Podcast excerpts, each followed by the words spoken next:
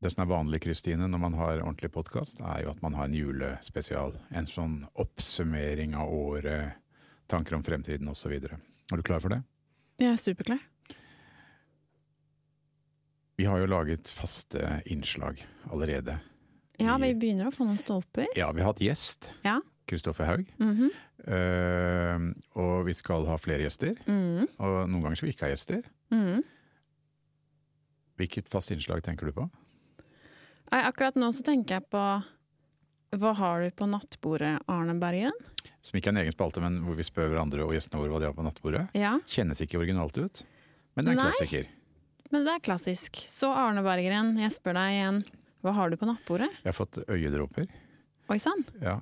Jeg er egentlig faktisk i ferd med å bli blind, rent teknisk. Men de øyedråpene kan, kan gjøre en forskjell. Ja. Det er ikke noe sånn øh, Hva skal man si? Det, det roper ikke sånn ung vital. Det gjør ikke det, på vei ned. Veldig. Det er mer og mer ting som må vedlikeholdes Hva med tisselaken? Har du fått deg det? tisselaken har jeg hatt den lenge. Nei, hvis vi hvis vi skal gå mot bøker eh, Jeg begynte å lese mye mer enn jeg har gjort på en, en god periode. Ok. Og, og jeg fikk en bok via Amazon her nå som heter Tinderbox. Det er historien om HBO. Og jeg er ikke om Tinder som i datingappen. Nei, Nei. nei, den kan du fortelle om etterpå. Ja. Uh, nei, det er en tjukk bok. Svært verk. Mhm. Jeg tror det blir et sånt standardverk for folk som er i mediebransjen.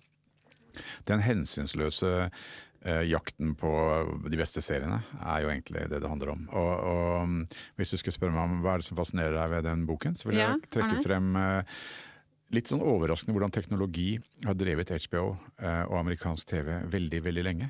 Den første betaleløsningen for TV, eksempel, vet du når den kom? Tipp. Eh, 19, eh, 1994. 51. Oh my lord. Ja, det er helt utrolig. Og HBO har Det er jo tekniske løsninger, det er teknologi som driver den, eh, det varemerket der, rett og slett. Så er det blandet med veldig mange sånne småhistorier om da, da han som spilte i Sopranos, på en måte, Ja, han ja. eh, Hva heter han? Gandhi, Gandhi, Gandhi Gandolf Gandhi, Gandhi Ja, han øh, Ja. Ja, ja. Liksom når han på Gandolfini. Gandolfini, og han var på fylla. Det er, alt, det er, liksom, det er en blanding av historie. gøy, veldig gøy, og de, de strør utover anekdoter og sladder også. Men Samtidig er det en veldig grundig gjennomgang av HBO og også amerikansk TV-historie. Spennende. Tykk og imponerende. Eh, I den grad andre kommer inn og ser nattbordet ditt, så ligger den eh, bra, og virker som et imponerende verk. Er du sånn som leser som virkelig leser, eller skummer du? Hender du hopper over kapitler? Hvordan leser du egentlig, Arne? Hender jeg skummer, ja. og fotnoter. Leser aldri. Nei? Eh, hvis det er en side med vanlig skrift, Mm. punkt, mm. og så ser jeg at det er sånne småting hvor du liksom kan fordype deg med mindre skrift. ja. Skummer. ja. Forord? Hva med forord? Skummer høyst. Jeg hopper over. Ja. Eh, etterord. Hopper over sånne ting. Mm. Så jeg er nok en, en skummer, men jeg, jeg, jeg liker å hva skal man si, kunne være lenge i en bok. Det liker jeg også. Eselører eller ikke? Overhodet ikke eselører.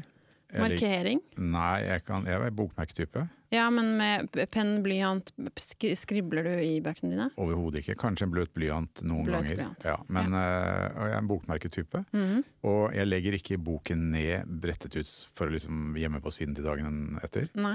Jeg er ganske nøye med, med bøker. Det tror jeg mange på min alder er. Ja. For bøkene skal gå videre til neste generasjon. Ja.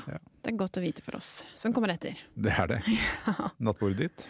Eh, nattbordet mitt Altså, jeg gikk veldig høyt ut på banen i en av disse mange mange episodene vi har gjort, Ja. og sa et eller annet om at jeg drev og leste en bok som heter 'Hva er konservatisme?' av Torbjørn Røe Isaksen. Kom ikke gjennom. Eh, altså, jeg har kommet et stykke på vei, men jeg er liksom på side 31. Det er ikke så langt. Men jeg liker den, da. Ja. Og jeg tenkte ja, men nå skal jeg stemme Høyre for all evighet, og så sluttet han i Høyre. Så nå jeg, Han sluttet, det visste jeg ikke. Jo, han skal begynne å skrive i, eh, i Hva var det for noe det var, da? E24 eller et eller annet. E24. Så kjedelig. skal, ja, det var litt trist, tenkte jeg da. Ja, så spennende er han ikke. Men, men, men jeg skal komme meg gjennom den i julen. Men du, 31 sider, eh, den er jo ikke veldig tykk den boken. Altså, Hva er konservatisme? Den er jo sånn liten sånn uh... Det er, det er sånn for oss som ikke har gått skikkelig på skolen. Sånn, nå skal vi oppmuntre dere til å lese og, og lære dere å tilegne kunnskap. Så det er jo en bok for meg, men Politikk er ikke så kjedelig som du tror. Bli med og bestem da vel. Er det sånn? ja, det er litt sånn. Hæ? Ja, det er det. Jeg vet ikke helt om det har hjulpet. Jeg følte liksom at du var på vei med, skulle dra ned til Skien eller hvor han bor og skulle ligge med han da du Ja, leste men da det forrige gang? var planen. Ja, 31 sider. Men så oppdaget jeg jeg begynte å google han, han har tre barn og en veldig søt kone og sånn, så alt har bare falt sammen, og nå er han ikke høyere engang. Nei. Og boken var ikke så Nei, jeg syns boken er Det Han hender som kommunikasjonsrådgiver. Du, 2021, Mm. 2021, hva sier du forresten? Jeg sier en god blanding, og noen ganger blir det 2021. Jeg tenker at på min alder, er man på min alder så må man si 2021, 2022. Ja, 21 jeg, Det blir for vanskelig. nemlig. Ja. Uh, jeg har vært med på den gamle telemåten Ja. sånn. Jeg husker da den nye kom. Ja. Uh, men poenget var året Ja. 2021. Mm. Uh, vi skal oppsummere det etterpå. ja, vi skal det. Men vi har fått litt sånn ålreit respons på denne podkasten. Skal ikke si at det er mye. Vi har vi kan Den har gått viralt. Er, jeg vet ikke om det viralt er dekkende, men den har spredt seg litt. Mm. Og det hender vi får faktisk lytterreaksjoner. Mm. Ikke sånn på gaten og sånn, men, men, men eh, det som er veldig hyggelig, det er når unge studenter f.eks., folk som vil inn i mediebransjen, og med særlig vekt på TV-bransjen og kanskje filmbransjen, Mm. responderer på noe, og at eh, oi, det virker som de snakker om dette på en litt annen måte. Mm. Eh, og at det er et sånn sug der ute fordi folk sitter hver for seg. Mm. Og at det er sug der ute etter, etter, etter sånn hvordan kommer jeg inn i bransjen? Eller jeg får det ikke til. Vi har også hatt runder, vi har intervjuet en del forfattere. Vi har vært på jakt etter manusassistenter. Vi møter uh, ulike fagfolk som vil inn i bransjen. Ja. Og jevnlig så sitter vi og uffer oss over ting som Vi de gjør feil. Og vi snakket også med Kristoffer Haug. Det er en sånn kavalkade over året, egentlig. Mm. Om hva er det som kjennetegner de som lykkes, og de som ikke uh, lykkes. Uh, og, og det vi har forberedt nå, det er rett og slett uh, hva er de beste rådene for folk som er unge Ja. og vil inn i bransjen. Do's and don'ts Nemlig. for unge som vil inn i bransjen. Nesten sånn vignettaktig. Ja. Bom, bom, bom. Men det er et sug etter det. Hva, hva skal jeg gjøre? Og, vi, vi, for hva, og hva gjør jeg feil? Mm. Og du husker han som tok kontakt og sa og vel omtrent sånn som faen i helvete når jeg sendte en mail tre ganger i løpet av to år, hvorfor svarer dere ikke? Ja. Eh, vi husker ikke hvem det, hvem det var, Nei. men vi fant mailen hans. Én mm. i søppelkurven, i spam, og det hadde med ordbruken hans å gjøre. Mm. Eh, to hadde vi bare egentlig fortrengt i det øyeblikket vi leste dem. Eh, og da så vi jo sånne ting som Det var kanskje ikke så lurt å skrive den mailen osv. Så, videre. så hva er de enkle rådene? Skal vi begynne negativt, Kristine Berg? Jeg syns jo begynne- vi er best når vi er negative, så la oss begynne der. Mange som sier det. Og, og jeg vil si at her er det mye å ta av. Ja. Er det lov å si det? Ja. Men at, at vi har vært flinke synes jeg, til å destillere det ned til noen få punkter. Så her kommer de fem eh, De fem hva skal man si? De fem tingene du ikke bør gjøre hvis du vil inn i, i vår bransje. Litt overlappende ting også. Ja, Jeg tar det igjen. Uh, her kommer de fem tingene Faen, jeg får det ikke til. Kan du prøve? her kommer eh, de fem tingene Her kommer en liste over fem ting du ikke skal gjøre hvis du vil inn i TV-dramabransjen. Ok, hva er det første da? Mase. Mase. Uh, hva mener du da? Jeg mener eh, Jeg mener Hva mener jeg da? Jeg mener folk som maser, folk som ikke er tålmodige. Eh, folk som vil ha svar, og som vil ha svar i går. Jeg sendte dere en mail i går, og unnskyld meg, men hvorfor har dere ikke svart? Og når det er sagt, så mener jeg det er mange måter å mase på, og noen måter å mase på er helt ålreit. Jeg fikk en mail her forleden dag av en fyr som sa hei, nå er det lenge siden dere har hørt noe fra meg, jeg vil bare minne på at jeg finnes her ute, og siden sist gang så har jeg gjort dette og dette og dette. Det er mailen jeg sendte til deg. Er før. si fra hvis det er av interesse, så tar vi gjerne en kaffe om et eller annet. Supersjarmerende. Veldig hyggelig mail å få, men så får du den der litt passiv-aggressive 'unnskyld meg, fy faen'-aktige mailen, og bare så dere vet at og fikk den, Det har noe med tonen å gjøre, tror jeg. Har dere fremdeles ikke sett på pitchen jeg sendte dere? Ja. Aha. Mm. Det er å mase. Det syns jeg er å mase. Eller det kan også være å mase på ehm, Ja, jeg skal uh, gjøre det og det for dere. Um, hva tenker dere egentlig om Når skal jeg begynne? Hvilket klokkeslett? Når er det lunsj? Er det sånn at vi spiser lunsj sammen, eller må jeg gå ut og spise min egen lunsj? Og uh, er det steder hvor jeg kan henge av meg jakken, eller hva tenker Altså sånn derre Du får sånn derre noen som skal ha og ha og ha, er vel kanskje det jeg skal frem til her. Men bør ikke vi, Ja. unnskyld meg, Jo. bør ikke vi som arbeidsgivere, ganske privilegerte, Mm. øh, vi er i en ganske sikker situasjon. Vi har i hvert fall penger i tre måneder fremover, så får vi Ja. se. Men, men det er jo lenge det i den bransjen her. Sannhet med modifikasjoner, vil jeg si. Ja, bør ikke vi være inkluderende og snille og tålmodige? Bør, er det ikke vår fordømte jobb å, å faktisk svare på de spørsmålene hvis vi vil at folk skal jobbe for oss? Um, altså, for å svare fra hofta, så er min første innskytelse på å si nei. Nei og nei. Uh, jeg kjenner på en sånn økende tretthet, og det er jo litt trist i og med at jeg ikke er 40 engang, men den derre Du følelsen kommer ikke til å holde lenge, altså. den følelsen av at noen mennesker tenker at jeg jobber for dem. Altså at, de, at noen mennesker Det er er kjemperart. Noen mennesker tenker at Kristine Berg jobber for dem. Ja, at, at altså, altså, man ansetter folk, eller man bestiller ting inn i systemet, man får folk på et prosjekt. Mens jeg som kanskje leder det prosjektet, eller leder det skriverommet, det er liksom jeg som skal levere til dem, og ikke omvendt. Dette gjelder jo skuespillere også. Du har to typer. Du har Ja. de som bare venter på beskjed, og hvis de ikke får beskjed, så dukker de ikke opp. Nei. Eh, Veldig hy hyggelig å jobbe med alltid. Ja. Og så er det de som på en måte øh, Ja, det kommer 17 mailer med en gang. ja. Og det er den derre Hva er den verste av de mailene? Jeg vet hvilken som er den verste. Øh, jeg Er du, har du, er du tilgjengelig for, for å spille noe eventuelt i en serie som gir deg jobb i fire måneder, eh, omtrent da og da? Uh, og så kommer den første mailen. Manus. Ja, uh, ja, øh, jeg vil gjerne lese manus først. Ja, Kan du sende meg? ja. Helst før du har sagt om det er tilgjengelig. Ja. Ja. Da kommer masemailene. Men det er vel litt den, der, den needy greia, Mm. eh, hvor kanskje min oppfordring ville være til kanskje særlig yngre folk som vil inn. Eh, heller kanskje tenke ok, hva er det de trenger av meg? Hva er det de vil ha? Hva er det de setter pris på å få? Kan jeg på noe som helst måte gi det? Hvordan kan jeg hjelpe Kristine Berg å gjøre jobben? Ja. Ja. Eh, ja, og med fare da for å høre gammel ut og slem ut, men for å være helt ærlig sånn på tampen av året, Du så er født gammel og slem, så du kan bare Så- tenke å legge bånd for deg. Bare kjør på. så tenker jeg jeg jobber ikke for deg. Så vær så snill, ikke mas på meg. Ja Ok. Uh, på to på lista her så har vi ordet skepsis. Ja, Arne, hva mener du med skepsis?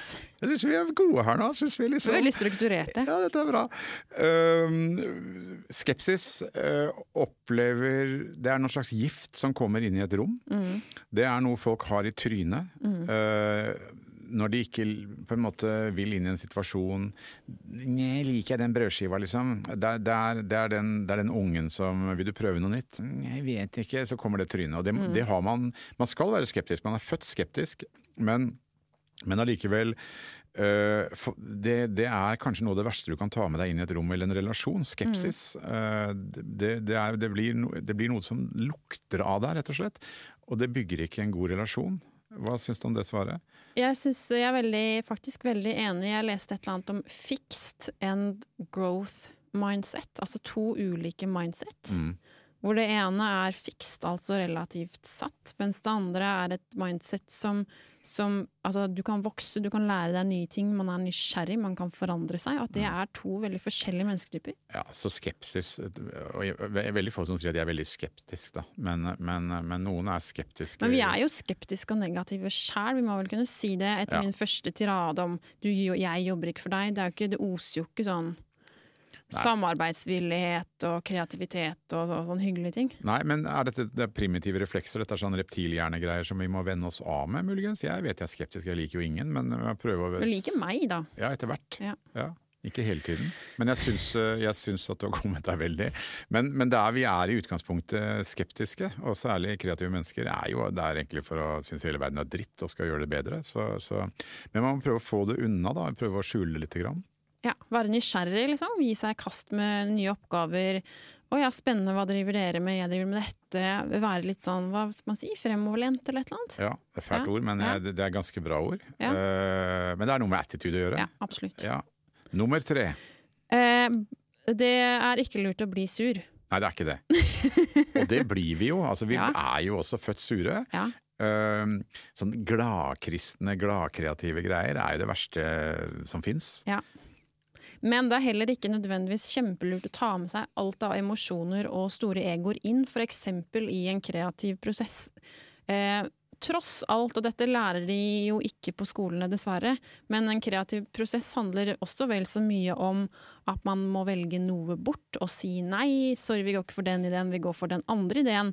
Og da er jo clouet å ikke bli forbanna og sur og furten, men tenke ok, ja ja, shit au, da slenger jeg tre andre nye ideer på bordet. Ja, og Hvis jeg da får kaste inn erfaring fra, fra slutten av 50-tallet Spennende. Ja, nei, men det er noe med Det er vondt å lære seg at uh, alt handler ikke om om deg, og man uh, blir valgt bort hele tiden. Man Ja. får avvisning hele tiden. Ja. Det er det den bransjen er laget av. Det er derfor den funker. Fordi folk blir avvist systematisk. Derfor man har de forbanna pitchegreiene. Noen skal ut til enhver tid, og det å være den som fyker ut, det lærer man mye av, men det gjør vondt. Da er det om å gjøre å ikke svare på den mailen på en sur måte. Når du ikke Du var inne, til, du var inne og jobbet i et skriverom, og så gikk du ikke videre. Og du får den mailen at 'beklager, vi skal gå videre uten deg, Kristine'. Eh, da, da, hvis du ikke svarer og sier Hva skal du svare da? Nå skal jeg svare eh, Tusen takk for den tiden jeg fikk lov til å være med. Det var utrolig spennende. Ta gjerne kontakt igjen hvis dere vil. Jeg fins her alltid. Ja. Og det, alle vet at du ljuger, men det er Ja. veldig fint å vite at, man, at den forfatteren eller den eh, fagfyren som Eller fagdama, heter det Ja, unnskyld.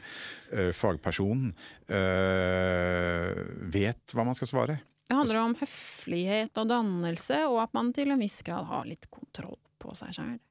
Mm. Ja. Og vi har det i utgangspunktet ikke. Vi er ikke født med den kontrollen. Nei, vi er ikke det. Eh, er det min som er neste, eller? Én, to, tre. Nummer fire, Arne. Hva er din nummer fire? Uh, man skal ikke være kostbar. Kostbar er eh, forbeholden. Altså kostbar er Det er liksom litt med skepsis å gjøre, nesten. Ja, det er mye overlappende Ja. her, men på en måte den derre Nei, jeg vet ikke. Mm. Ah, uff, og, Får se. Eller holder meg for god for. Altså, um, jeg har nok vært borti en og annen, for eksempel kanskje en student eller nyutdannet, som uh, ja, nei, jeg så kanskje ikke for meg å være manusassistent, hva mener du, skal jeg sitte på et møte og ta notater, Eh, trenger du kaffe, hæ? Ja, nei, jeg hadde kanskje heller sett for meg, jeg vet ikke, kanskje At dere skulle produsere serien ja, kanskje jeg kunne, ja, ikke sant. Uh, ja, jeg kunne tenke meg å være showrunner på min egen serie, for jeg har lest at showrunning er kult. Ja, da er man jo kostbar. Det er jo dritkult, da. Ja, det er veldig gøy. Men uh, nei, jeg, jeg har gjort sånne feil, altså. Jeg har, øh, har en god venn som øh, vi lagde første TV-serie, skrev, hadde en idé, og så dro vi opp til Fikk vi møte med NRK veldig fort, og, og kom inn til hun som het Ada Haug, som styrte barne- og ungdomsprogrammeringen i sin siden annen verdenskrig og frem til veldig lenge, tror jeg. Eh, flott dame. Og vi fikk i grunnen ja til den ideen. Og så ble vi hektet på en anerkjent regissør. Og så, Vi snakker 80-tallet her nå, altså. Men, men, men vi fikk en eh, Jeg tror ikke det var mail, kanskje at vi fikk en telefon, eller det var før fax også. Gud vet hvordan de kommuniserte på den tiden. Brevdue. Kanskje det kom en brevdue. Brevpost. Ja, men der sto det at eh, det tok nok litt tid fremover før de kunne gi endelig ja. Det kanskje måtte vente tre-fire uker. Jeg tror det var jeg som ringte ned på sentralbordet og ba om å få Ada Haug og skjelte henne ut. Sa hva faen, for en uproff drittmøkka-institusjon. Eh, Jeg håper du var 17. Nei, ja, jeg er 25 eller noe. På din alder. Og, og det var vel eh, et eller annet, hva skal man si, det var både bli sur, eh, det var skepsis, det var maste og kostbare. Jeg syns jeg var verdensmester, altså. Ja. Ja. Ja, ikke bra. Nei, det er ikke det. Skal jeg si min nummer fem? Jeg er blitt litt bedre, er ikke det? Nja, jo da. er flott fyr å jobbe med, skal jeg si deg. Ganske raus og Bra type. Ja. Ja. Mm.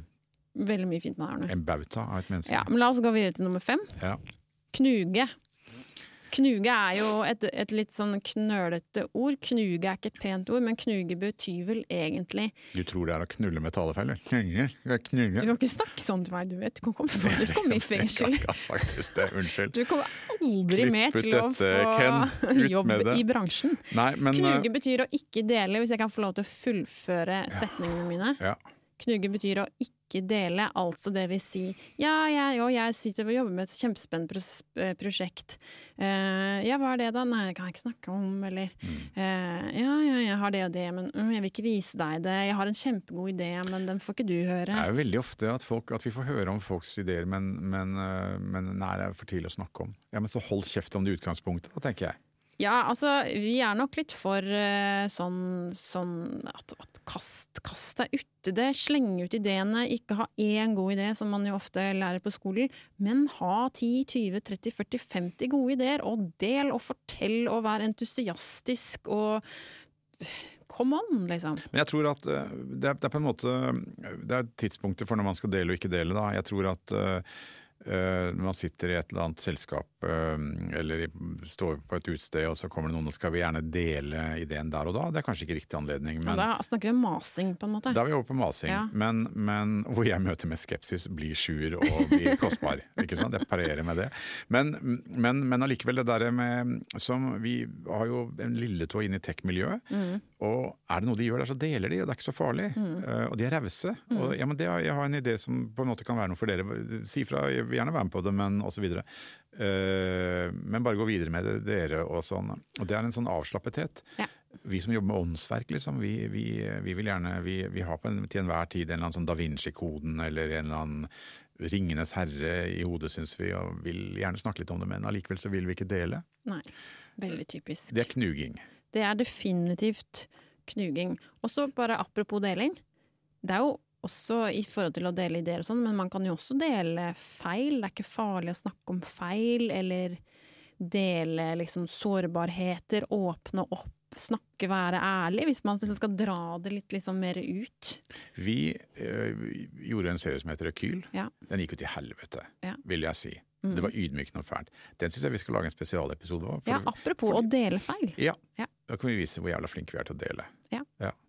Er, vi er ikke så flinke, men det gjør litt vondt å gjøre det. Men jeg tror det er lurt. Og hvis ikke denne bransjen blir flinkere til å lære av feil Hvis alle skal si at dette er verdens beste serie, enhver serie som er på TV, særlig NRK, det er verdens beste serie Hvis vi ikke blir litt flinkere til å være ærlige når det gikk til helvete, mm. eh, f.eks., så, så, så blir vi stående ja, i hvert fall du og jeg blir stående stille. Ved Rekyl skal vi ha en egen spesialepisode. Ja. Hvis du skulle være litt positiv, da? Ja, det kommer jo ikke like lett for meg, det vet du. Nei, jeg vet det. Men Vi har en liste. Over fem ting du skal gjøre, eller bør gjøre, hvis du vil inn i TV-bransjen. Nummer én. Forberedt. Forberedt? Hva mener du med det, Arne? Vi, er så pedagogiske. Ja. Da mener jeg at du skal i et møte eller du har, fått, du har fått, på en måte en eller annen kommunikasjon med noen som kan bringe deg videre. Mm -hmm. uh, når du kommer inn i det møtet, så må du fuckings ha googlet vedkommende eller det selskapet i huet og ræva. Mm. Uh, søker du jobb, så, så, bør du vite alt. Det er utrolig hva som ligger ute på internett. Mm. Uh, og det er utrolig hvor generelt manglende vilje eller evne yngre folk har til å, jeg skal være positiv, til å sette seg inn i det. Og bruke kilder til å finne ut hvem er som eier firmaet, hvor mye tjener de, hva er strategien deres, mm. hvor har han jobbet før, osv. Mm. Uh, hva er behovet, f.eks. hvis man skal til en TV-kanal og pitche? Mm. Å ja, hva er det på en måte var NRK hva er det de har sagt at de leter etter nå, og hva de trenger, hva de ikke trenger? Og du går i de møtene for å fylle det behovet. Ja. Hjelpe noen med å fylle det behovet. Nemlig. Du går ikke i møte med NRK Drama for at de skal hjelpe deg til å realisere din egen uh, indre Dostojevskij. Nei. Det er godt, fint bilde. Ja. Så, så, det er det må være forberedt. Mm. Uh, og det bringer oss egentlig kanskje over i neste punkt, hvis ikke du vil dvele mer med forberedt? Nei, jeg føler vi er ferdig med, ferdig med det. Ja. Vær godt forberedt. Uh, og vær punkt nummer to jeg skal si en ting til om forberedt. Kom igjen da. Uh, det er litt utålmodig nå. Nei, men det gjelder når du skal være med i et møte eller har den lille drittjobben, du er prodas eller et eller annet. Ha med blyant. Ha med blyant. Ha med noe å skrive på. Mm -hmm. Gå i møter og notere. Ja. Virke som du er interessert i det som skjer. Komme presis. Kom presis. Være mm. forberedt. Være forberedt. Uh, nå er det litt dårligere overgang enn det var i stedet da du ville ta den, men ja. neste punkt er vær nysgjerrig. Ja. Og dette handler om vær nysgjerrig på den som sitter tvers over deg eh, overfor bordet. Mm. Spør og grav, og hva driver du med, og er du gift, er du sammen med noen? Ok, spennende, hva driver hun med? Ah, altså dere har barn, og dere har hytte der. Mm. Aha, hva interesserer deg med det? Spør og spør og spør. Spør og grav, og ja. vær nysgjerrig, hent ut informasjon, del. Eh, og vær nysgjerrig hvis det dukker opp en mulighet. Å jaså, ja, vil dere tilby meg det, et sånt prosjekt? Ja, det har jeg aldri gjort. Hva mener dere? Podkast? Ja, det driver egentlig ikke jeg med, men gud, spennende! Få høre mer, kan jeg være med? Jeg innser at jeg høres ut som en gammel kjerring, men, men nysgjerrighet er bra. Det er veldig bra. Ja. Og man må lære seg det, konversasjonsmessig også. Man Ja. kommer inn i situasjoner hvor det er vanskelig å smalltalke. Det er bare å spørre. Ja. Hvor lenge har du jobbet her da, Kristine? Det er jo lenge. Altfor lenge. Var det dette du drømte om? Nei. Ikke sant? Jo, det var det. Ja. Å sitte her med en eh, mann over bordet i sin beste alder og, og Hva er det mest spennende i. TV-bransjen? Arne Hva er det du syns er mest vanskelig i bransjen? Altså, det er, Arnberg. Ja, men poenget er at uh, man må være nysgjerrig, eller på en måte øve seg på å være nysgjerrig. Og det har mye med, med spørretegn på slutten av setningen å gjøre. At man går litt opp, Ja. uh, og ikke sitter og tenker på når kan jeg få muligheten til å snakke om meg sjæl. Og eksempel også når man sitter og skriver eller jobber med et prosjekt. Er man nysgjerrig på prosjektet? Er man nysgjerrig på karakterene man sitter og skriver dialog for? Eller syns man bare alt er teit og dølt og kjedelig, og herregud, jeg så ikke for meg at jeg skulle skrive barne-TV. Her måtte jeg gjøre det. Må jeg skrive sånn? Øh. Men det å finne liksom noe å være interessert i og være nysgjerrig på i ethvert prosjekt og i enhver scene man sitter og skriver og grubler på. Ja, kan man si at uh, veldig mye av det vi ser av serieideer er preget av en mangel på nysgjerrighet? Er det mye sånn uh, er det ikke mye sånn derre Ja, nei, vi skriver om noen som er, liksom, ikke syns verden er noe spennende, og de er bare dysfunksjonelle og Ja, eller noen dritt. som bare vil skrive om en skikkelig sånn kristen, rar sekt på Sørlandet. Og så er det sånn, ja, hva kjenner du noen kristen, rar sekt på Sørlandet? Nei, men det var så gøy å skrive om. Ja. Det er sånn manglende sånn derre Det å gå inn et sted, skrive noe sånn innenfra og ut og være skikkelig nysgjerrig på et miljø, og ikke bare kanskje dømmende og skrive litt eh, ironisk og snertent om et eller annet man ikke helt vet hva er. Hva er lurt, nå kommer vi til nummer tre på listen, hva er lurt eh, å ha og være? Jeg tror det er lurt å ha tillit og å være tålmodig. Mhm. Og med det så mener jeg at ha tillit til at folk faktisk vil deg vel. At eh, du får den avtalen du skal få når du trenger det. Og kanskje i denne bransjen så er det vanskelig å si ja, du har jobb med oss de neste seks månedene, og du kommer til å tjene så og så mye, og vi jobber på den og den måten. Fordi denne bransjen beveger seg, flytter på seg, flyter, det kommer korona, ting blir avlyst. Man kan ikke alltid være superforutsigbar, men ha tillit til at de aller, aller fleste dere møter på veien, vil dere vel. Da må jeg også få legge til at man møter en hel haug av rasshøl. Ikke så mange, da. Færre enn man tror. Færre enn man tror, men Ja. du møter dem jevnlig. Ja. Det er helt umulig å vite før de plutselig vender ryggen. Altså, Vi har jo selv sittet og blitt Det var veldig trist å Ja, men- høre, på en måte. Jo, men det er jo det. Vi har jo blitt sparket fra våre egne prosjekter. Ja det er drittsekker der ute, Ja. de, men, men det er litt sånn hva du spiller inn. Det får Ja. du litt tilbake. Det er noe karmagreier i, i spillet her, for å snakke banalt. Men, men eh, jeg tror man må bare smøre seg med veldig tålmodighet. eh, og, og, og vise den tilliten du snakker om. Eh, fordi at du Hvis du i utgangspunktet går inn og så Nei, dere må skrive under en kontrakt. Vi har jo sett sånne folk skal pitche en idé, så skal vi skrive sånn non-disclosure agreement eller noe sånt. Mm. For det er så jævla god idé.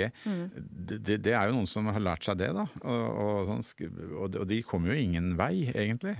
Eh, veldig mange som eh, er lovende, og de kommer ikke videre med ideen, for de viste ikke det produksjonsselskapet eller den kanalen tillit. Nei. Eh, og de var utålmodige. Nei. Kan du forstå det noen ganger òg, da?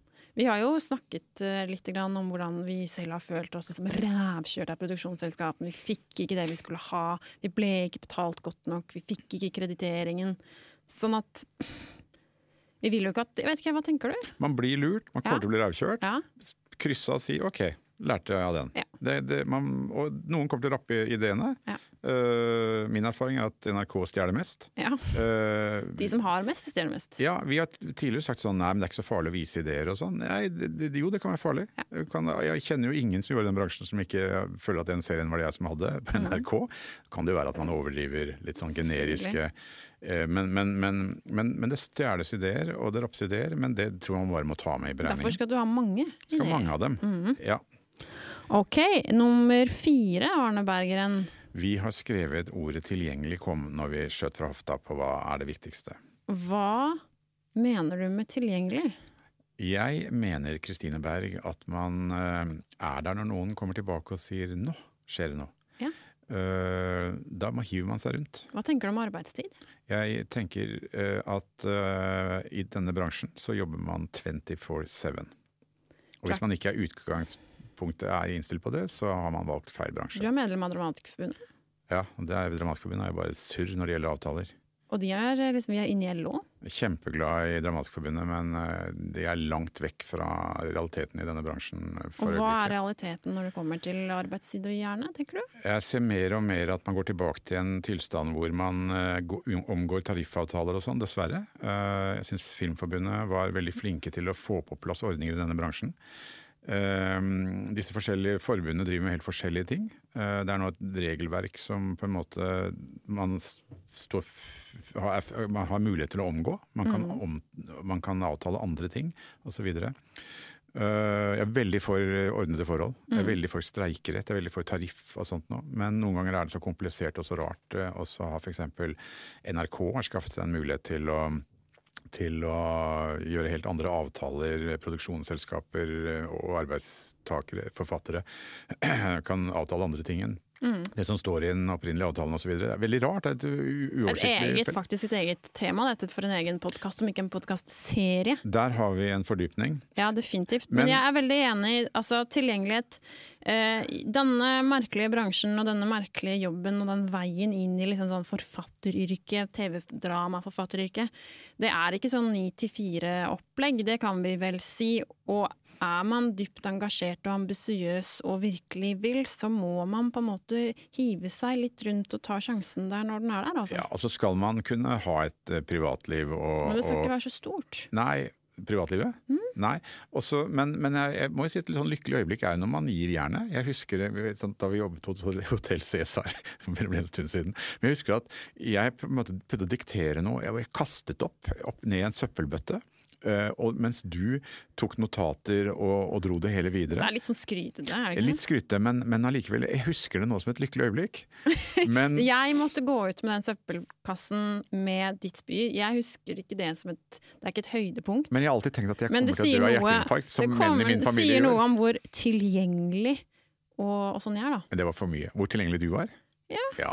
Øh, men jeg tror det er iallfall noe med Det er ikke åtte til fire-jobb vi er i. Jeg tror ikke man skal drive med dette med mindre man virkelig elsker og digger det, og man ser for mye på TV og skriver for mye og jobber for mye generelt, og at foreldrene dine er litt bekymra for deg. Det hører med, liksom. Ja. Ja. Og helg? Nei. Sommerferie? Ja, men, men med skriveprosjektet i. Ja. Man må skrive hele tiden. Man må Man må jobbe hele tiden. Man må det, altså. Okay, Vi romantiserer litt. Litt dårlig samvittighet for at vi gjør det, men Ja. man må være fuckings tilgjengelig. For når noen ringer tilbake, så da, da, er, det, da er det nå. Ja. Det er ingen som ringer tilbake og sier det var gøy, gøy å snakke med deg for tre måneder siden. Vet du hva, vi tenker å hyre deg på om seks måneder. Det skjer ikke. Da er det Når de ringer, så er det sånn Har du tid i dag? Ja. Det er da sjansen kommer. Det er det. Ok. Dette har med siste punkt. Fem. Relasjon. Det er vi opptatt av. Og hva i alle dager da er det? Jo, relasjon er vel på en måte at man bygger en eller annen forutsigbarhet knyttet til et annet menneske. At man, at man bygger noen form for, hva skal man si, rapport. Man vet hvor man har hverandre. Det er forutsigbar kommunikasjon. Man eh, får en tone. Eh, man begynner å kjenne hverandre. Det handler vel på en måte relasjonsbygging om. Ja, og så er det veldig, Hvis man tar slår sammen alle disse punktene, så, så koker det ned til relasjon. Har jo også noe med at man er tilgjengelig, man viser tillit, man er tålmodig. ikke sant? De beste vennene kan man gå, gå tre år uten at du har snakket sammen, og så tar man opp tråden. Eh, Det har noe med relasjon å gjøre. Jeg syns at mange vi, vi møter er eh, kommer tilbake til dem og så nei, ja, vi skal, nå skal vi gjøre en TV-serie. Opplevde mye i nord, tror jeg. Nå skal vi gjøre en TV-serie i Nord-Norge. Er synd, fordi at jeg har akkurat uh, tatt et ettårsengasjement. Ja, men ja, det er hyggelig det, men faen, kunne du ikke sagt fra, liksom? Eh, det har noe med relasjon å gjøre. Eh, Kommunikasjon, svare på mail, si fra, stille spørsmål tilbake, være der. ja.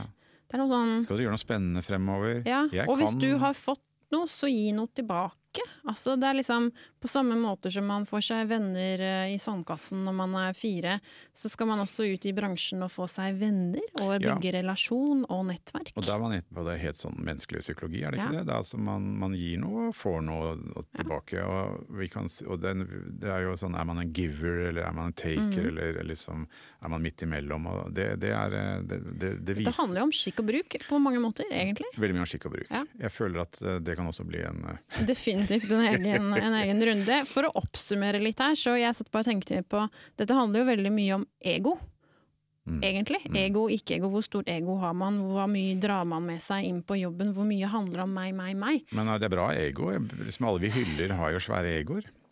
Ja, og vi Norske har helter har store egoer. Ja, og vi har svære egoer, for all del. Mener, vi sitter og pjatter på en podkast og, og liksom syns det er gøy at folk sitter og hører på oss. Det er jo ikke, det, er ikke, det skriker ikke akkurat lite ego. Mhm. Men, men jeg tror allikevel skal man inn på, på jobb, skal man inn i et skriverom, skal man sitte og skrive, så jekk ned ego. Det er ikke så farlig, det handler ikke om deg, ingen dauer.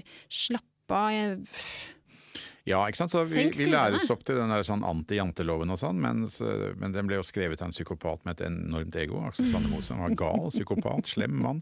Men, men, men, eh, men vi må utslette vårt eget ego. Det er vel liksom det all religion handler om. ja, og tross alt så er dette advent, Det er advent. ja, Mm. som betyr å vente. Det er, har mye med tålmodighet å gjøre. Ja. Ja.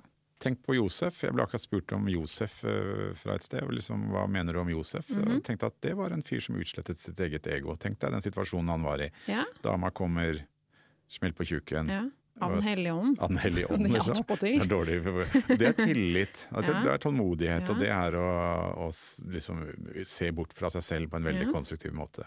Selve julemysteriet greide vi å trekke inn i julepodkasten. Det er jeg ganske fornøyd med. Har du julekrybbe? Eh, nei, men jeg ønsker meg det. Mhm, Fordi jeg syns julekrybben er veldig fin. mhm. Og en bra påminnelse, faktisk. Og det juletablået du fikk av meg for noen år siden, er det fremme? Det juletablået jeg fikk av deg, det kommer frem på lille julaften, som alltid. Som alltid. Ja. Hva er de tre beste tingene som skjedde i år, eh, Kristine Berg? Hva er de liksom eh, beste, beste tingene i mediebransjen, for å si sånn, sånn i, i forhold til det vi jobber med? Kan jeg si tre ting med en gang? Ja. Ok. Nummer én Ted Lasso. Mhm, Nummer to Fitbit og Pai. mhm. Nummer tre Giæver og gjengen. Glad for alle de tre der, tenkte ikke på dem. La oss bare snakke litt om Fitbit og Pai, for det høres ut som et, et sånt lurvete magasin fra, fra 70-tallet. Fitbit og Pai. Mm. Fitbit er eh, en Whisky? Nei, Arne. Det er en sånn puls- og skrittellerklokke. Aha. Som, jeg, som ser ut som en slags sånn, eh, hva heter det for noe, sånn fotlenke som sånn, sånn der hvis man ikke skal sone i fengsel, men hjemme, bare at det er rundt håndleddet. Ikke spesielt sexy. Litt Gunhild Stordalen her nå, ja. med all respekt for, for, det, For Gunhild Stordalen, Ja. ja. ja. Eh, så den holder, liksom, holder styr på hvor mange skritt jeg har tatt, og puls og hvilepuls og det hele. Og Paien Mhm. er altså en app utviklet av noen smartinger fra NTNU som som gir deg pai-poeng for på en måte å være, komme opp i puls, altså drive med kardiotrening, komme seg opp, svette, puste og pese litt. Mhm. Og det er om å gjøre å kom, liksom ligge over 100 pai hver dag. Er det en Da- slags eh, livskrise? Nei, jeg er ikke livskrise, men, men jeg må skjerpe meg. Jeg sitter for mye på jeg, rumpa. Ja. Det og gjengen sunt. eh, syns jeg er hyggelig. Jeg Even er superhyggelig. Po-. Det er litt mange trøndere der for tiden. Det er mitt eneste Raust øh, og nysgjerrig sagt av Kristine. Bergberg. Hva skjedde med liksom Oslo og Østlandet? Ja, det kan du si. Ja, men Hanne Skartveit er der, og ja. Det er veldig koselig. Jeg syns de er Og jeg syns til å være trøndere, så er det topp norsk trøndere. Ja, Noen ganger blir de litt sånn skal helgardere hele tiden og ikke si noe slemt, men jeg, av og til så skinner det gjennom, og de blir fandenivoldske. Og når, når man i det beste øyeblikket hører på Gjevregjengen, og du føler at nå er det på kommentarrommet, og de krangler litt og sånn, da er det veldig, veldig bra. Ja, det er helt supert. Briljante folk. Og så er det Ted Lasso, som jo er serien jeg ikke trodde jeg skulle se på. Som er sånn søt, hyggelig, bred uh, feelgood-greier om lagsport, som jeg jo hater. Men fy faen så bra det er! Sesong én er gull. Sesong to startet utrolig dårlig, men kommer man seg over den utrolig rare julespesial med musikalinnslag, så finner de tilbake til den gamle gode formen, og da er det bare å lene seg tilbake og tørke tårene og Alt det beste og det verste fra England med mye dash eh, USA og Apple Ja. er veldig rar, det er rare greier. Arne, Mhm. de tre beste tingene. Ja, Beatles-dokumentaren har vi jo snakket om før. Mm. Magasinet Subjekt. Oi sann. Oi sann. Og eh, avisen Klassekampen. Jeg føler du har litt sånn, det er litt mer sånn klasse over det du Ja. kommer med her. Ja, etter at du dro inn Torbjørn Røe Isaksen forleden, så tenkte jeg nå skal jeg faktisk eh, skal eh, steppe gamet her, eller hva heter det. Jeg skal på en måte levere. Ja, Beatles føler jeg vi har snakket grundig om, så la oss hoppe rett til Subjekt, det mest jålete kulturmagasinet ever. Jeg liker det fordi at jeg er for tiden selvfølgelig veldig glad i ting som du ikke helt vet hvor, hvor du har. Altså De lander nok litt mer på den der anti-PK-siden og litt sånn anti-woke-greier, men allikevel eh, kjenner at eh, den eh, overrasker meg ikke veldig forutsigbar, og det tror jeg vi trenger i disse tider, apropos nysgjerrighet. Du, ja, det, det er type magasin, syns jeg, som bygger litt bro. Eh, Enig, og det er kultur. kultur, og de kan provosere noen jævlig enkelte skribenter der, men så kommer det en motstemme, og jeg syns alltid alltid balanserer og er et veldig friskt pust. Og jeg er imponert over folk som starter den typen prosjekter i dagens vanskelige mediebilde. Jeg har ikke hørt deg så positiv noen gang før. Nei. Det er, Det er det er, det er utrolig. nye meg, det. Jøss. 2022. Ja, det er øyedråper og positivitet. og brobygging. Oh, dette blir spennende. Spør meg om Klassekampen, da. Klassekampen, Arne. Jeg leste en herlig artikkel Er ikke det for kommunister? Jo, det er Ja. det. Og det, det sitter i der ennå. Jeg liker, jeg liker folk som de, er, de, blir, de blir litt unnfallende når man spør skal dere fremdeles ta folk på Oslo vest, henge dem opp i lyktestolpene og skyte dem og sånn. Så er det sånn nei, vi er ikke sånn lenger, men, men du vet at innerst inne så er det noe faenskap der. Jeg liker det. Jeg liker folk som Nei, jeg syns det er en veldig god avis. øh, og Leser du papiravisen da, eller? selvfølgelig. Koselig. Det er Koselig. Mm. Drikker kaffe og sånn. Og sitter der Filtøfler, ja, øyedråper. Tipselaken, brodder. Men greier at jeg synes det var, det var særlig en artikkel nå i siste som, som øh, handlet om øh, altså transaktivisme, at hele transfobi, hvor er vi igjen med disse kjønnsgreiene og sånn. Veldig god oversikt. Grundig og egentlig sånn, litt sånn du måtte tenke sjøl. Var ikke farvet av det ene eller andre. God innføring. Det er dritvanskelig, veldig interessant. og ja, god journalistikk. Man ble klokere av å lese det, rett og slett. Godt å høre. Sånn er det mye av, syns jeg, i Klassekampen. De behandler religion ganske fint, skriver bedre om religion enn Vårt Land, Mm. uh, osv. Så, videre. så mye positivt der, altså. Da er vi over på det morsomste, og hva er det, det er de tre dårligste tingene. Tre verste tingene i år, Kristine Berg, kjør på. Eh, jeg må si at eh, jeg syns Succession har vist seg å være en skuffelse. Mhm, Jeg kan få utdype etterpå. mhm. Min nummer to, som er litt sånn brannfakkel. Jeg er ikke superhappy med en del av disse utdannelsesinstitusjonene som eh, pumper eh, studenter som skal inn i vår bransje. Mhm. Eh, og nummer tre, der står det faktisk spørsmålstegn, fordi jeg ble så sint da jeg begynte å tenke på de to første, at jeg gikk faktisk tom for Du greide ikke? Du var så negativ at du ikke greide å Nei, være ja, da negativ? be- det begynte å skulle sånn brainstorme på nummer tre, så ble det sånn korona og sånn, og da tenkte jeg nei, gud. La oss snakke litt om Succession. Hva, hva, for at jeg er enig i den. Vi telefonerte Mm. og sånn mens vi så, og den plutselig så tryna han. Ja, altså jeg syns jo den, den begynte jo ganske, ganske bra. Og så var man jo Ja. så utrolig keen på en bra serie. Det har liksom gått litt tomt, og så kom endelig Succession tilbake, og man var så gira på at det skulle funke, og det funket jo ganske bra en stund, og så gikk det liksom skikkelig på ræva, syns jeg. Det er akkurat som de bare, de, de bare er på forskjellige steder, og så skjer det samme hele tiden. Samme premisser. Ja, og så er det som om de der eh, dialogforfatterne liksom har fått helt sånn boner av sin egen eh, interessante, morsomme, fiffige og grove dialog. Hva, hva er poenget nå?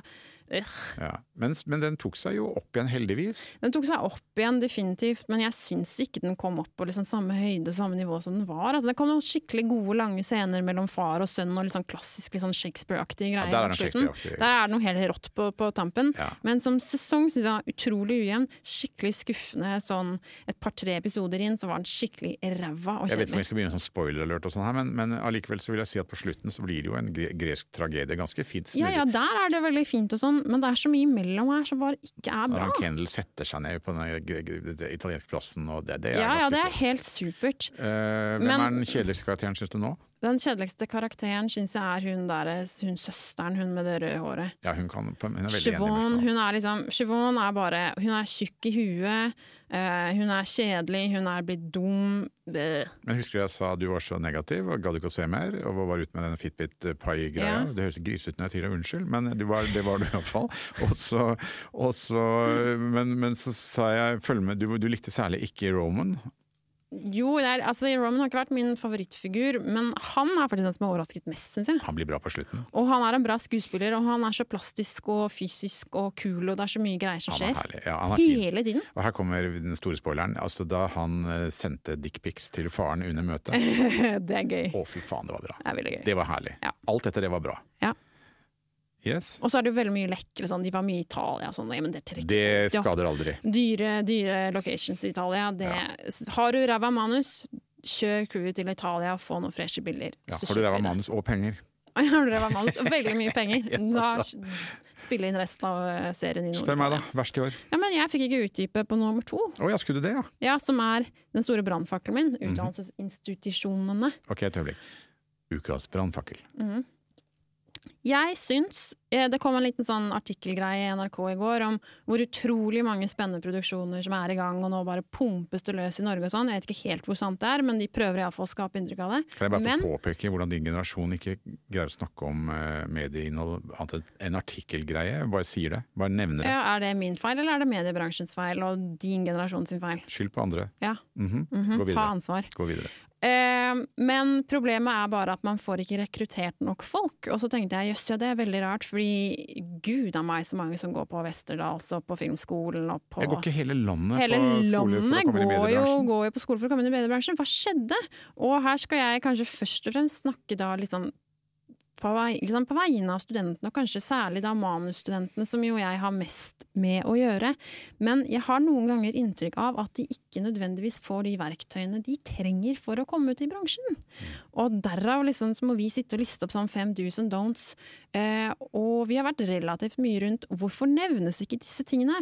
Hvorfor liksom snakker man liksom bare om å finne sin egen stemme og ha brenn for et prosjekt, og det er veldig viktig, og det er deg, deg, deg, deg, og du er et fantastisk talent. Hvorfor snakker de ikke om liksom vær høflig i møte, eh, vær manusassistent, eh, eh, lær deg grammatikk, tenk mindre på deg sjæl. Det er liksom et eller annet som er riv ruskende galt. Er jeg på bærtur her nå, eller? Nei, jeg sitter bare og tenker på at vi burde tatt de beste til slutt, for vi ender så jævla negativt nå. Men jeg er jo helt enig ja, med men det er jo gøy. Ja, men jeg syns jo altså, utdanningen er Jeg har veldig respekt for høyere utdannelse og Det er mye akademia. flinke og fine folk. Men det og forsøk, forsøket på å gjøre mediebransjen til noe akademisk, det der er at man på en måte Det er høyskoler og Ja, så trenger man liksom master i sånn manusgreier for å komme ut i bransjen. Jeg Ja, men nå sitter jo de dårligste manusforfatterne i landet sitter jo og tar sånn professor, sånn eh, doktorgrader. Ja, nei, men jeg er drittlei det. Ja, jeg, jeg er bare sånn møkklei det. Folk, folk som ikke har jobbet i bransjen eller knapt har skrevet TV-serier, sitter og skriver doktorgrader om TV-serier.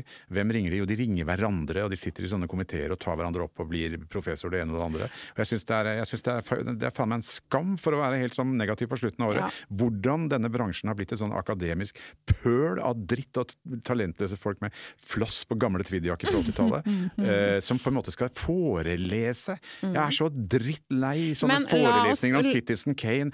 Folk som på en måte aldri har vært ute, har ikke skjenket en kaffe eller dratt i en ledning, de har ikke vært på et sett. Og så sitter de på en måte og skal lære sånn akademisk uh, med sånne rapporter og, Og papers som- og på engelsk som- med fotnoter. Ja, nå jeg hør nå, snakke hør nå, ferdig. Jeg er bare helt Nei, fordi det var mitt punkt. Og okay. det som på en måte er det tristeste, Mm. er at det kommer flinke, hyggelige, oppgående folk ut i andre enden av denne pølsefabrikken vi kaller utdannelsesinstitusjonene, Mm. og har ikke fått det de trenger for å komme inn i bransjen. Det er feil. De har feil attitude, de har feil forventninger, og det blir så ofte trist og leit og ikke riktig. Mm.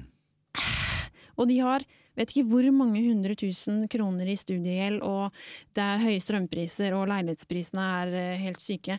Jeg syns det er veldig synd, og jeg syns jeg hører mye rundt i bransjen, at bransjen føler at det er irrelevant det som læres på lærestedene. De riktige bransjefolka blir ikke trukket inn, og det er mye ego og det er mye albuer fra liksom stab og institusjoner selv som gjør at liksom ikke det bransjen trenger, det bransjen snakker om effektivitet, budsjett, penger, innspilling, målgrupper, bla, bla, bla. Marked, undersøkelser. Hvis vi kjørte en sånn egomåler på oss her nå, så tror jeg vel det er ganske svært. Ja da, det er veldig svært. Og det er veldig synd å slutte året på denne måten. Ja, men fordi vi, skal, vi skal greie å få det bedre når jeg kommer med mine negative. Nei, men Ja. greia er at jeg, jeg, jeg, jeg, jeg syns at det er, um, det er så fantastisk mye fine studenter. Vi har møtt møter mange av dem. og øh, jeg syns det kommer en generasjon nå. Nå syns jeg den, de, de, din generasjon og litt nedover syns jeg var mye dritt. Uh, ja, jeg syns det var mye sånn se meg, i, og de var opptatt med sånn mitt kompetente barn, og de har fått ros Ja, hele tiden. Men de som er mellom 20 og 25 nå, De er ambisiøse, altså. Hardcore, der er det mye tøffinger. Ja, det de tar ikke dritt fra dårlige forelesere. Nei.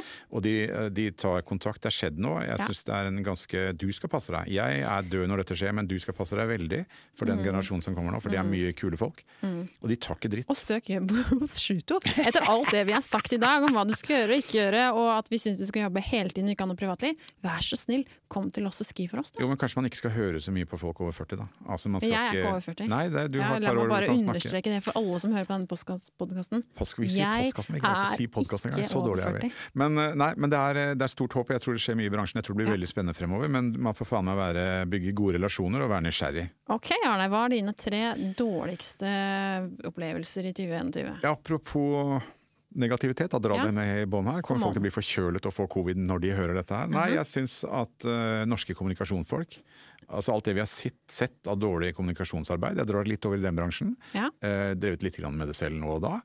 Eh, det er mye dårlig. Ja. Når de greier faen ikke å fortelle folk om de skal ha på maske eller ikke, eller hva skal vi gjøre på trikken. Jeg synes eh, En ting er disse eh, begredelige instituttene som snakker i munnen på hverandre, og sprengkåte eh, sjefene i disse forskjellige instituttene. Sprengkåte sjefer. Jo, men de skal ha krimromaner og skal Ja, skrive veldig romaner. Jeg syns det, det er uverdig. Er. Eh, flott, han der Nakstad, supertype, ser, er litt sånn smålubben og veldig troverdig på Dagsrevyen. Ja. Og så kommer han plutselig med bok skrevet som trengt. Jeg, jeg syns det er eh, Hva heter så den. Rød kode eller alarmen går eller noe sånn utrolig kleint. Jeg syns det er så dårlig at de med alle de kommunikasjonsrådgiverne, alle de politiske rådgiverne, alt mulig, de er jo 18 og 17 og sånn, viser det seg, men at de ikke greier bedre, at ikke noen kan hjelpe politikerne til å kommunisere forståelig, uh, syns jeg er nitrist. Ja, jeg er helt enig. Nummer to. Jeg syns norske anmeldere Oi, oi, oi!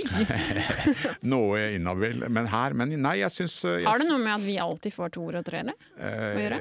Det har litt med det å gjøre. Men jeg syns når jeg ser fine prosjekter, når jeg ser stilen, den humoren som legges i å slakte ting nå Mm. eh, Jeg har selv vært anmelder på musikk og var utrolig negativ. Når var dette? Ja, dette er tilbake på ja, begynnelsen av 60-tallet. Før jeg var født, for å si det sånn. Jeg slakta Beatles, for å si det sånn. Nei, men, men, men jeg syns det er en tone nå, og det er så mye sånn ekspert, det er så mye bråsikkerhet med korte anmeldelser som er, er kjekke i trynet. Ja.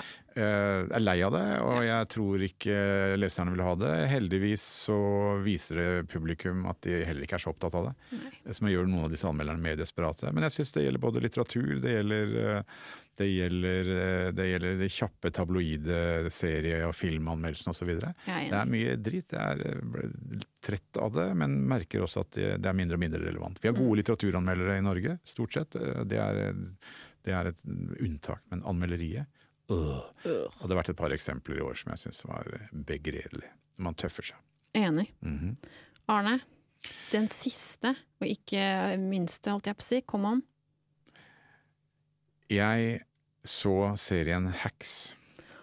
Den har jeg gledet meg til, og jeg har liksom huket den av på sånn skal se i, i kveld-aktig. Jeg hørte på radioen, det var satt noen sånne forbanna serieeksperter og snakket sånn som man gjør, og pludrer sånn som vi gjør nå. Så var det liksom serien Hacks, for den hadde alt det riktige, og den var veldig bra. Ja, kvinnelig hovedrolle, kvinnelig hovedrolle med liksom litt opp i alderen og sånn også. Akkurat sånn passe Ja. politisk ukorrekt, og sånn passe woke. Og det var, altså, det var, det var så strømlinjeformet, det var så veldig tenkt. Og det var sånn eh, Alt var kryssa på flotte interiører og Las Vegas, og de flyr med privatjetter, og det var liksom det var, Ja, og det er sånn som de nye seriene her. Skal nå alle målgrupper på en gang.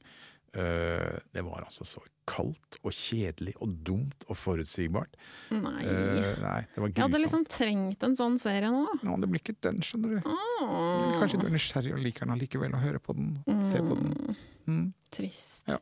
Jeg syns ikke du skal la deg, la deg påvirke. Holde meg til dopesick, da, som liksom Ja. Fra liksom fattig Amerika, og det er trist, Mm. og folk dør av overdose og sånn. Faktisk ganske Veldig koselig å se andres begredelige liv. Men eh, den, nei, fin serie. Men den, hva het den som vi ikke liker nå? Hacks. Hacks. Styr unna. Ikke se Hacks. Nei, den blir ikke bedre til første episode heller. Ikke det at jeg har sett Hmm. Så flere episoder. synd. Det er forferdelig. Nå har vi altså greid å snakke oss igjennom én, to, tre, fire, fem, seks stolper, og vi har faktisk vært forberedt. Mm. Vi har prediket at man skal ha lite ego, vi har hatt veldig høyt ego. Vi har også snakket om at folk liksom er som brauten og slenger med leppa og anmelder og sånn.